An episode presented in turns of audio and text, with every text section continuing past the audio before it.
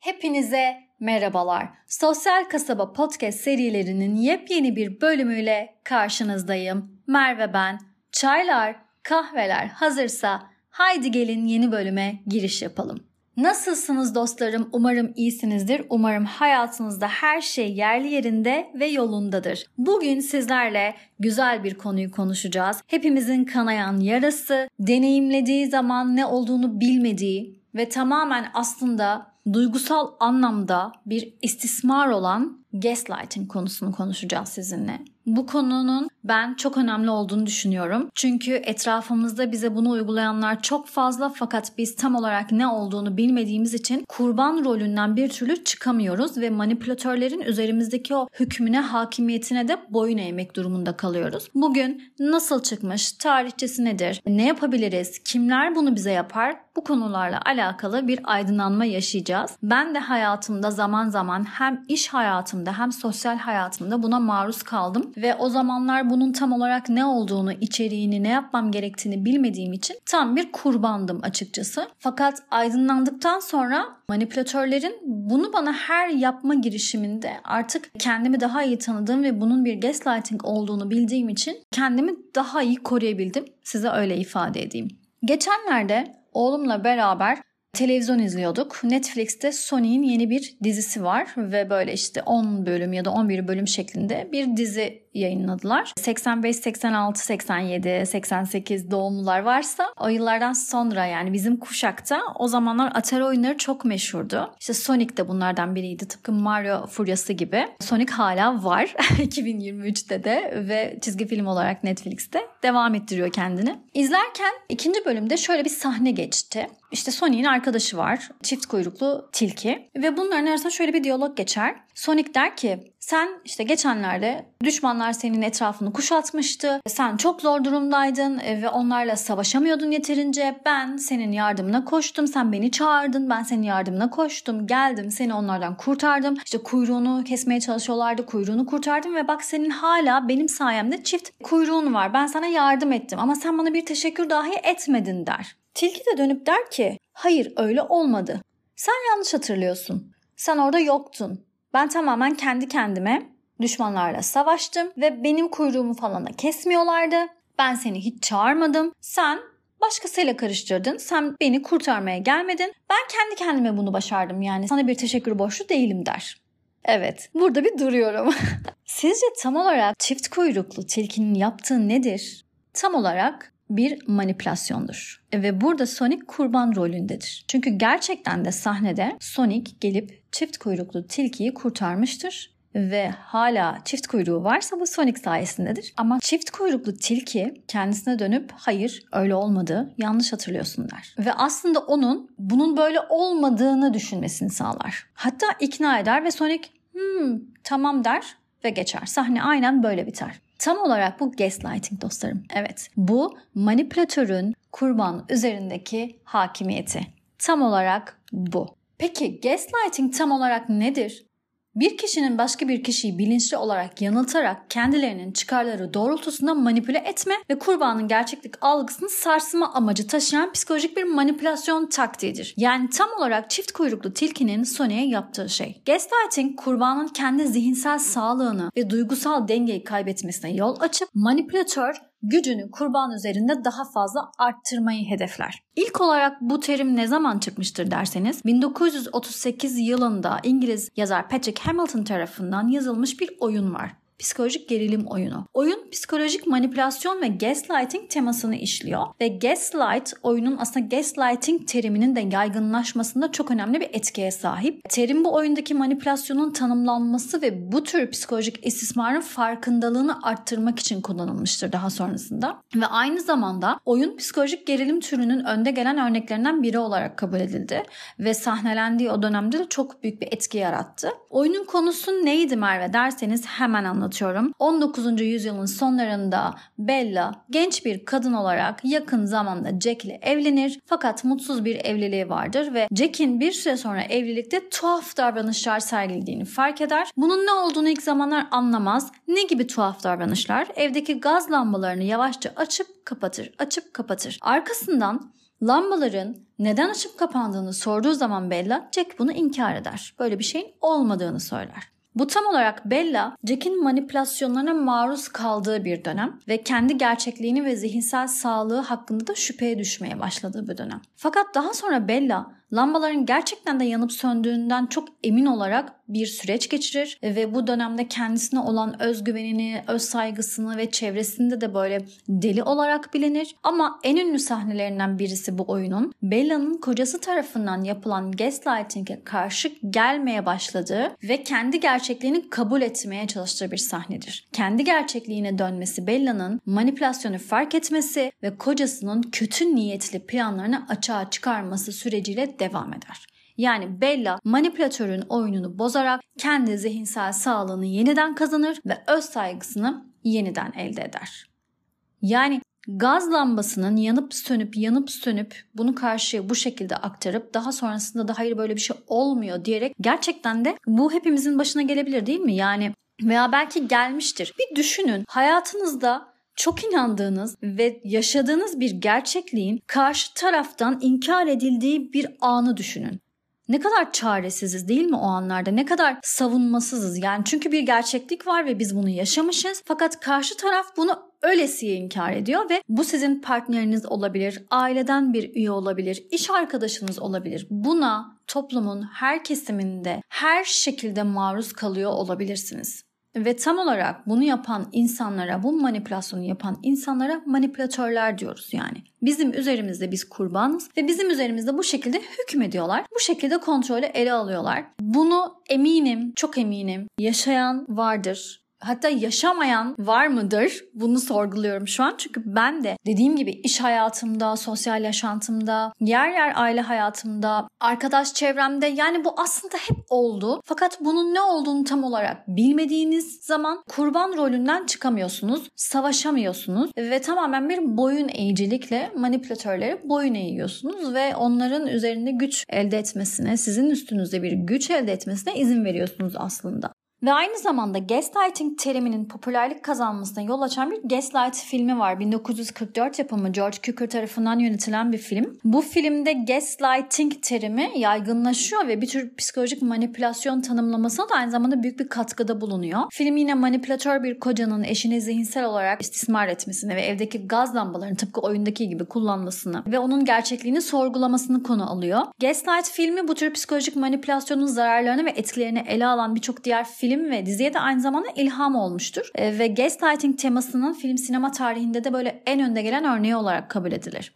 Peki biz kimler tarafından gaslighting'e maruz kalırız derseniz aile üyeleri, partnerler, iş arkadaşları, arkadaşlarımız, hatta siyasetçiler ve kamu figürleri diyebilirim. Aile üyeleri nasıl bizi manipüle edebilir? Aile üyeleri diğer aile üyelerini manipüle etmek amacıyla gaslighting taktiğine başvurabilir. Özellikle toksik aile dinamikleri içerisinde yer alan bazı manipülasyon şekilleri yaygındır. Mesela bir aile üyesi sizin hatanızı sürekli olarak tekrarlayarak sizi suçlu hissettirebilir. Bu gaslighting'in aile içindeki en önemli örneğidir. Yani kendinize ve hatanızın gerçek boyutlarına bu durumda inanmanız gerekiyor. Kendi gerçekliğinizi tutmanız gerekiyor. Partnerler İlişkide bir taraf diğerini kontrol etmek veya onu suçlamak amacıyla gaslighting yapıyor olabilir. Özellikle duygusal istismar durumlarında e, bu taktikler sıkça görülür. Gerçekten de ilişkilerde partnerlerin birbirine uyguladığı gaslighting o kadar fazla ki çevremde de böyle bunu çok fazlasıyla duyuyor ve deneyimliyordum. 20'li yaşlarımda da bu böyle, yani 30 yaşlarımda da bu böyle. Bu çok fazla var ilişkilerde. Peki düşünün ki partneriniz sizin yanlış hatırladığınız bir şeyi iddia ediyor. Yani sen yanlış hatırlıyorsun diyor. Ve bir şeyin nasıl olduğunu veya ne zaman olduğunu bildiğinizde siz çok eminsiniz ama partneriniz sürekli olarak bu konuda sizinle çelişiyor ve sizin onu doğru hatırlamadığınızı aslında öyle olmadığını ifade ediyor. İşte bu tam olarak gaslighting'tir. Burada da yine kendinize güveneceksiniz ve gerçekleri hatırladığınızdan emin olacaksınız. Aslında gaslighting'e ne zaman maruz kalırsanız bunda yapmanız gereken tek bir şey var. Kendi gerçekliğinize tutunmak ve ona inanmak ve kendinizden emin olmak. Yani o şüpheye düşme çizgisine girmemek. Çünkü eminsiniz, çok eminsiniz. Emin olduğunuz durumlardan bahsediyorum. Şeyden bahsetmiyorum. Herhangi bir şeyden tabii ki şüphe duyabiliriz. Bu böyle olmuş muydu diyebiliriz ama çok eminsek kendi gerçekliğimizden ve karşı taraftaki kişi bize sürekli ısrarcı bir şekilde bunu inkar yoluna gidiyorsa İşte tam olarak burada zaten bir gaslighting olmuş oluyor. Arkadaşlar evet sosyal yaşantımızdaki bazı arkadaşlar grup içindeki dinamikleri değiştirmek veya başkalarını kontrol etmek amacıyla bize gaslighting uygulayabilirler. Yani iş yerindeki arkadaşlarınız da olabilir. Başkalarının size olan güvenini sarsmak amacıyla sizi sürekli olarak eleştirip hatalarınızı abartıp sizin kendi gerçekliğinizden sapmanıza ve iş yerinde motivasyonunuzu kaybetmenize, kendinize olan özgüveninizi kaybetmenize sebep olabilir. Bu tarz durumlarda kendinizi savunmalısınız ve dediğim gibi kendi gerçekliğinizden ayrılmamanız gerekiyor. Bunlar bize gaslighting yapan kişiler ve manipülasyonları gizlemek ve kurbanlarının gerçekliğini sorgulamalarını sağlamak amacıyla zaten bir dizi psikolojik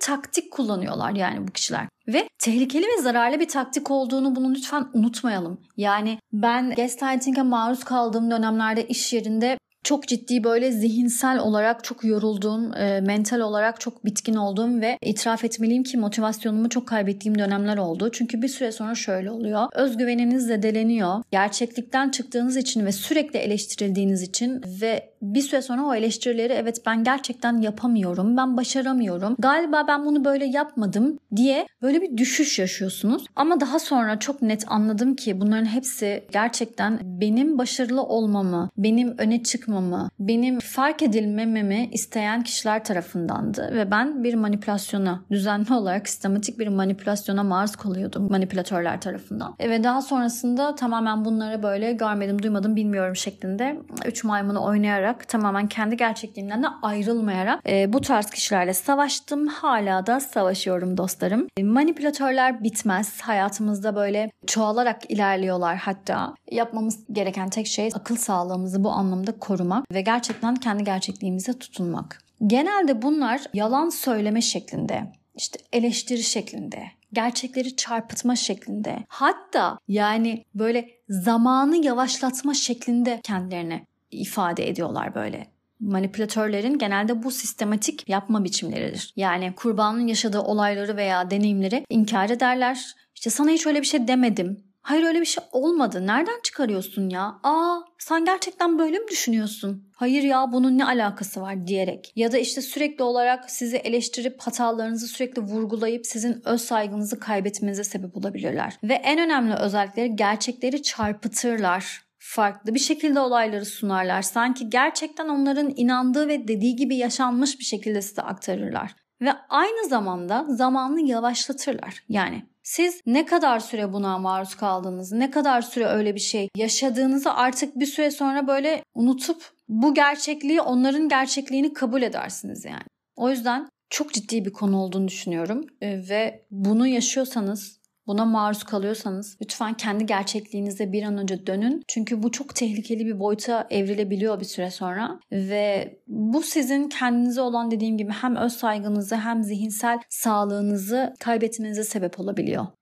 Bu tarz insanlar genel olarak sizlerde tek bir şeyi amaçlıyorlar. Kendinizi size kötü hissettirmek. Evet kendinizi kötü hissediyorsunuz suçlu hissediyorsunuz. Her olayın sorumlusu ve suçlusu benim diyorsunuz ve gelişen, süre gelen olaylarda kendinizi karşı taraftan özür dilerken buluyorsunuz. Hata yaptığınızı söylerken buluyorsunuz. Haklısın, çok haklısın. Böyle olmamam gerekirdi derken buluyorsunuz. Bu tarz söylemleri arttırabilirim. Yani dostlarım kendinizi karşı tarafa böyle ifade ediyorsunuz ama onların tamamen haklı olduğunu e, belirterek ifade ediyorsunuz. Ve manipülatörler gerçekten sadece bunu hedefliyorlar. Ve bu insana bir süre sonra ben neden başaramıyorum?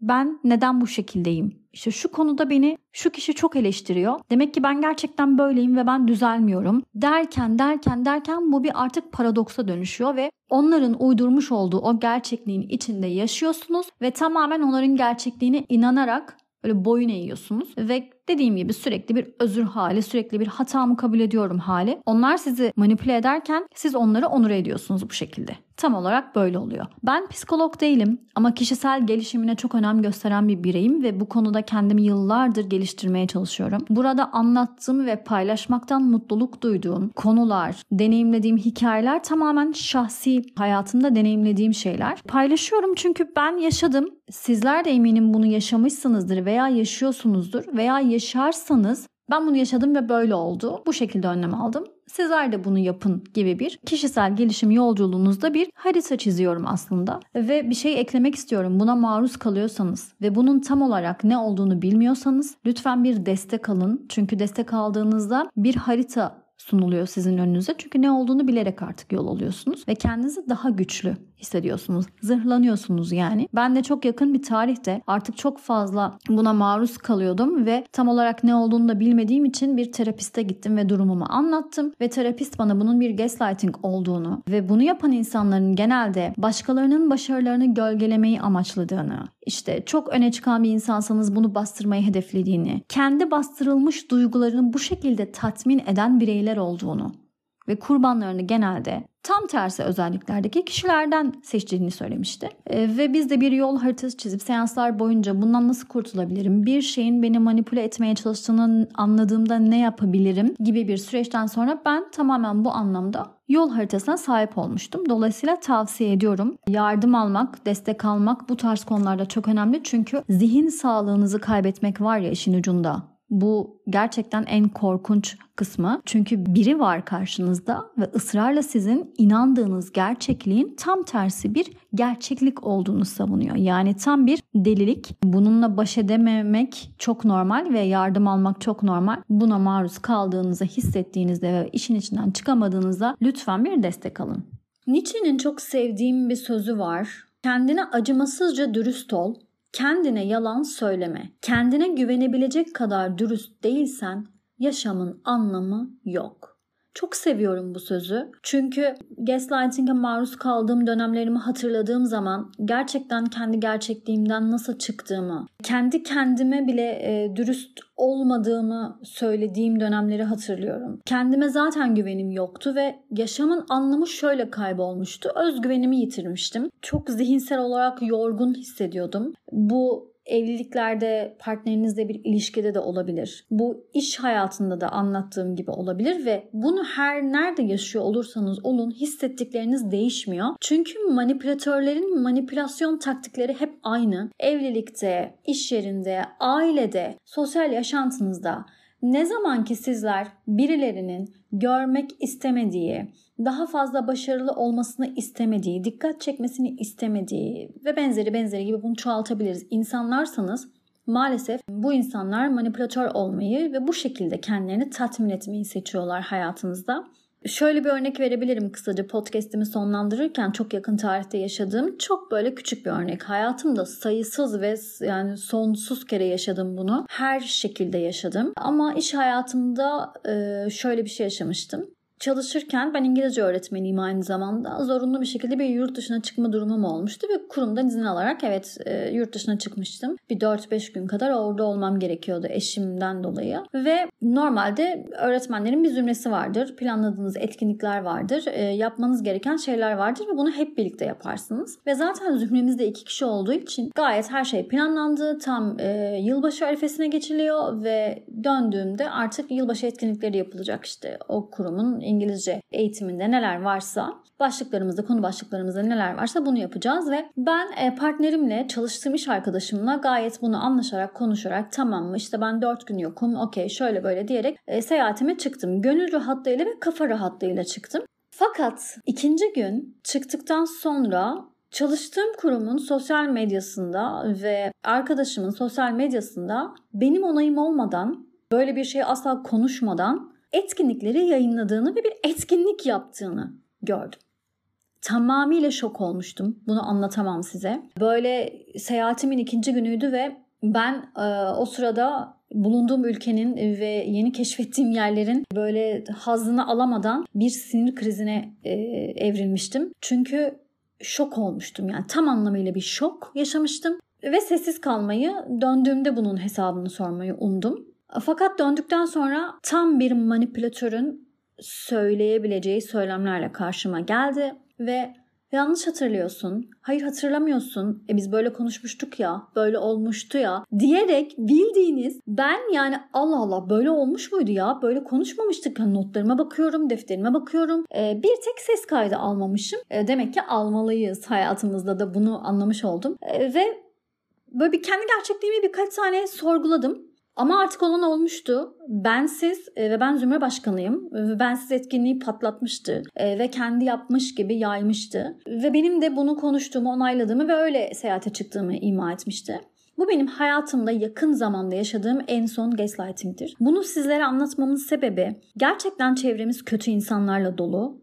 Gerçekten çevremiz bizi istemeyen, insanlarla dolu. Bizim başarımızı, bizim güzelliğimizi, bizim işte bizim bizim bizim bunu çoğaltabilirim dostlarım ama bir kişi ısrarcı bir şekilde sizin gerçekliğinizi sorguluyorsa yapmanız gereken nedir biliyor musunuz? Gerçekten yani zihinsel olarak o oradan ayrılmak. Kendi gerçekliğinizi koruyacaksınız. Sağlıklı iletişim becerilerinizi geliştireceksiniz. Çünkü kendinizi daha iyi ifade etmelisiniz. Çünkü karşınızda inkara giden, bunu da böyle iddia eden insanlar var ve sınırlarınızı net bir şekilde çizeceksiniz. Ve ben bunun bir gaslighting olduğunu çok net anladım ve kurum müdürüne gidip bunu çok açık bir şekilde izah edip ben kendi gerçekliğimden sapmıyorum. Bu olay böyle olmadı. Ben bu şekildeyken e, bunu böyle yapamaz diyerek bir sınır çizmiştim. Ve hatta ve hatta istifaya kadar götürmüştüm. E, tamam o halde bu bir manipülasyondur dedim ve ben manipüle ediliyorum. Çünkü çok iyi biliyor ki ben döndükten sonra bu etkinliği beraber yaptığımızda bundan haz almayacak. Bu beni manipüle etmektir. Benim yokluğumdan istifade edip kendini tatmin etmektir demiştim. Ve sınırlarımı çizmiştim.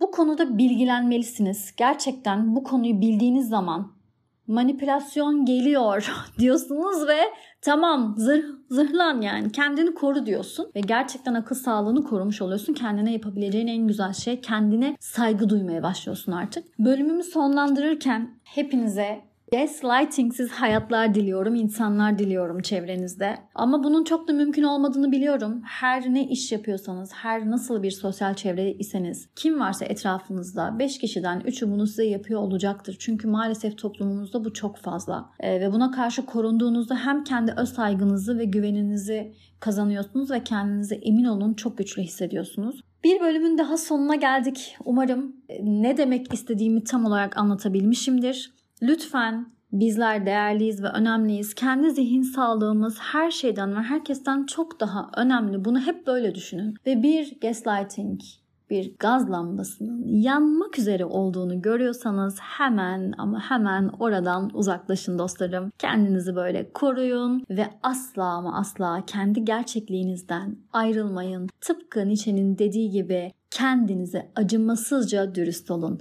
Bir sonraki podcast bölümünde görüşene dek kendinize çok ama çok iyi bakın. Hoşçakalın.